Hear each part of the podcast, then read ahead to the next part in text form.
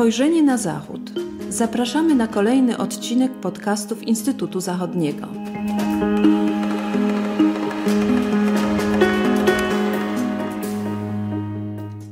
Dzień dobry, z tej strony Patrycja Teper. Witam Państwa w kolejnym odcinku podcastów Instytutu Zachodniego.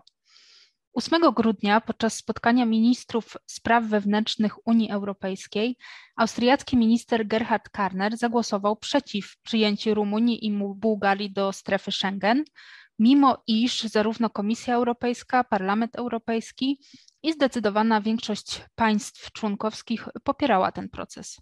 Warto przy tym dodać, że, sprzeciw, że przeciw wyłączeniu Bułgarii były jeszcze Niderlandy, E, ale Austria była jedynym państwem zgłaszającym sprzeciw wobec Rumunii. Osobą odpowiedzialną za wyjaśnienie nam tej sytuacji będzie dziś główny analityk Instytutu Zachodniego dr Piotr Andrzejewski. Dzień dobry Piotrze. Dzień dobry. I oczywiście pierwsze pytanie. Dlaczego Austria e, sprzeciwia się włączeniu Bułgarii i Rumunii do strefy Schengen? Jak to jest argumentowane? Austriacy na forum zewnętrznym sprawę przedstawiają nie tylko jako problem Rumunii czy Bułgarii, ale przede wszystkim starają, krytykują strefę Schengen ogółem jako niedziałającą. E, zarówno wspomniany minister spraw wewnętrznych Gerhard Karner, jak i kanclerz Karl Hammer powtarzają, że Austria w tym roku przyjęła 100 tysięcy migrantów, z czego 75 tysięcy, czyli 3 czwarte, było niezarejestrowane i uważają, że zarówno Rumunia, jak i Bułgaria nie dopełniają obowiązków rejestracji y, tych migrantów. I to jest powód, który jest oficjalnie y, podawany i, i, i wykorzystują jednocześnie tą sytuację, sytuację głosowania, by szerzej krytykować y, nie, brak funkcjonowania strefy Schengen. Trzeba też dodać, że liczba 100 tysięcy migrantów to są liczby podobne do tych, y, które Austria notowała podczas kryzysu migracyjnego w 2015 roku, a południowa granica Austrii y, z krajami bałkańskimi usiana jest obecnie namiotami, w których y, ci migranci przebywają. I to oddziałuje bardzo mocno na opinię wewnętrzną i też powoduje, że na popularności może zacząć zyskiwać na powrót y, populistyczna, prawicowa partia wolnościowa Austrii, czyli FPÖ. I wydaje się, że kanclerz y, Nehammer, który jest z y, Austriackiej Partii Ludowej, EVP, obawia się wzrostu prawicy i utraty popularności. Trzeba też dodać, że zbliżają się niedługo wybory 23 stycznia 2023 roku odbędą się wybory w najważniejszym landzie, czyli w Dolnej Austrii, która liczy sobie ponad półtora miliona ludności, jest jeden z najbardziej ludnych i ten, kto wygrywa w Dolnej Austrii, potem wygrywa w całym kraju. Piotrze, a czy w tej kwestii panuje konsensus, konsensus e, wewnątrz Austrii. Czy jak, jak to oceniasz też e, społeczeństwo? E, jaki jest stosunek społeczeństwa do tej kwestii? Nie ma konsensusu, co widać najbardziej wyraźnie przez fakt, że decyzję, austriacką decyzję o nieprzyjęciu Rumunii do strefy Schengen skrytykował sam prezydent Aleksander van der Bellen, który startował jako kandydat niezależny, ale jest to polityk e, bardzo silnie związany i przewodniczący kiedyś Partii Zielonych, obecnego koalicjanta, obecnego koalicjanta e, Austriackiej Partii Ludowej, także nie ma konsensusu, także większość społeczeństwa raczej e, to nie jest aż tak ważny temat dla austriackiego społeczeństwa. Ważniejsza jest migracja i dlatego część austriackich polityków te dwa tematy próbuje ze sobą powiązać.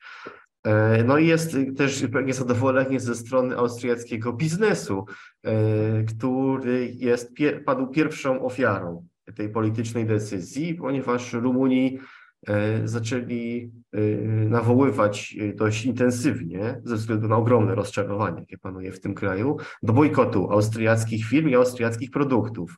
Na pierwszy ogień poszedł Red Bull, który jest usuwany z półek sklepowych, z informacją, dlaczego tak się stało, ale bardziej, dużo bardziej problematyczne jest to, że w, e, w Rumunii jest, są aktywni zarówno banki, dwa banki austriackie, czyli Raiffeisen i BRC, e, oraz, oraz część stacji benzynowych jest obsługiwana przez austriacki koncern OMV.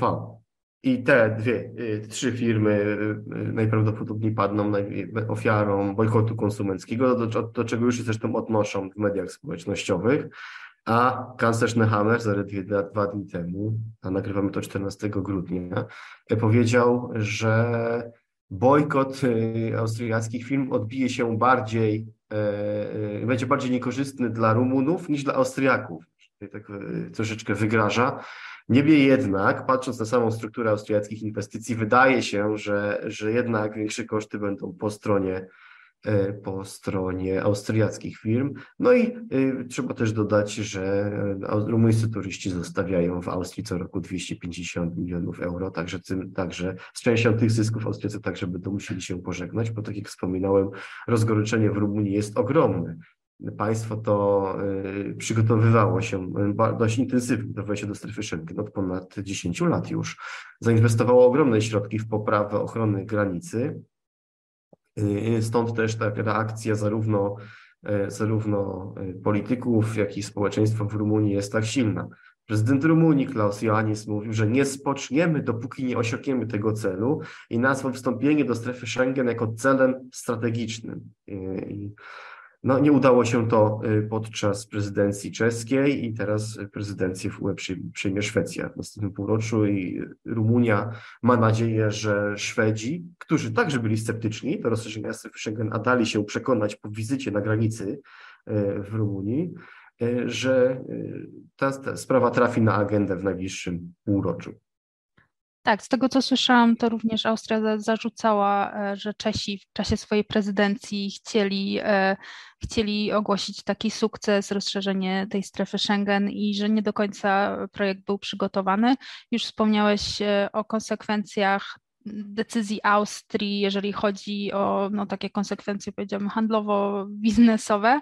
Czy są jeszcze jakieś inne polityczne konsekwencje, o których należałoby wspomnieć? Czy na przykład na forum Unii Europejskiej e, spodziewasz się, że może to mieć jakieś konsekwencje? No i też, e, czy możemy się spodziewać właśnie w najbliższym czasie jakieś zmiany w tej decyzji, czy może prezydent i jego głos uważa, że będzie ważnym, ważnym głosem przy zmianie tej decyzji? E, a tu kilka pytań zostało postawionych. To zacznę od tego, że tą opinię, którą wyraziłaś, to wygłosił wspomniany już minister Gerard Karner. To on mówił o czeskiej prezydencji i tym, że Czesi bardzo chcieli osiągnąć sukces polityczny. Narzekał też na fakt, że Czesi zbyt szybko, e, zbyt było mało czasu było na zapoznanie się z dokumentacją e, i być może Rumunii powinni mieć też trochę pretensji do Czechów za to, że ułożyli głosowania w taki sposób, że Chorwa przyjęcie Chorwacji, która została przyjęta do strefy Schengen i także wchodzi do strefy euro od stycznia 2023 roku, było oddzielne od Rumunii i Bułgarii. Natomiast Rumunia i Bułgaria była blokowo, blokowo, czyli należało głosować za tymi państwami naraz. I być może, gdyby Bułgaria była oddzielnie, to Rumunom udałoby się przekonać Austriaków do tego, tak jak udało im się przekonać wcześniej sceptyczne Niderlandy i Szwecję.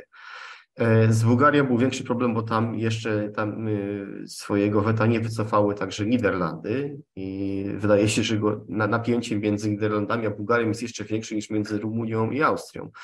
E, ale to y, zostawmy. I no, Austria zaczyna się pozycjonować jako takie troszeczkę państwo blokujące rozwój Unii Europejskiej i integracji europejskiej. Wcześniej Austria była, była członkiem tak zwanej oszczędnej czwórki, Frugal Four, E, która sprzeciwia razem z Niderlandami, Szwecją i Danią, którzy sprzeciwiali się e, powstaniu długu, długu europejskiego, no a teraz blokuje strefę Schengen jako jedyne państwo. No i trzeba przyznać, że przedstawiciele Komisji Europejskiej są bardzo roz, rozczarowani i rozgoryczeni tym, tym rezultatem głosowania, bo do końca, do samego końca tego 8 grudnia przedstawiciele Komisji Europejskiej myśleli, że uda się jednak Austriaków przekonać. Także w pokoju panowała bardzo nieprzyjemna atmosfera, jak potem już w kuluarach e, mówiono po, po wyjściu. No i trzeba, i trzeba też dodać, że zachowanie Austrii podkopuje ich jeden z najważniejszych takich projektów geoekonomicznych czy geopolitycznych, można by nawet powiedzieć, tak zwany Donauraum. czyli przestrzeń naddunajską, która łączy 14 państw e, nad, e, nad tą rzeką się znajdujących, ponieważ Dunaj uchodzi do Morza Czarnego właśnie w Rumunii. E, jest drugą najbardziej spławną, najbardziej spławną rzeką w, w Unii Europejskiej, w Europie. Także, także no ten projekt geopolityczny może zostać nadszarpnięty i podkopany po prostu przez zachowanie Austrii, bo bez współpracy z Rumunią on nie ma po prostu sensu.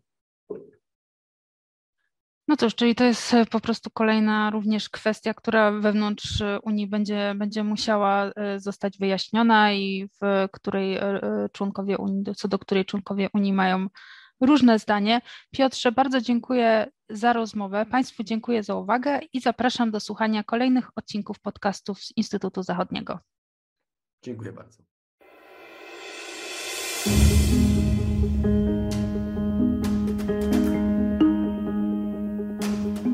Spojrzenie na Zachód. Podcasty Instytutu Zachodniego. Podcasty Instytutu Zachodniego dostępne są na platformach Spotify, SoundCloud i Apple Podcasts oraz na portalu YouTube. Zapraszamy do subskrypcji. Dzięki niej będą Państwo na bieżąco z wszystkimi naszymi nagraniami. Do usłyszenia.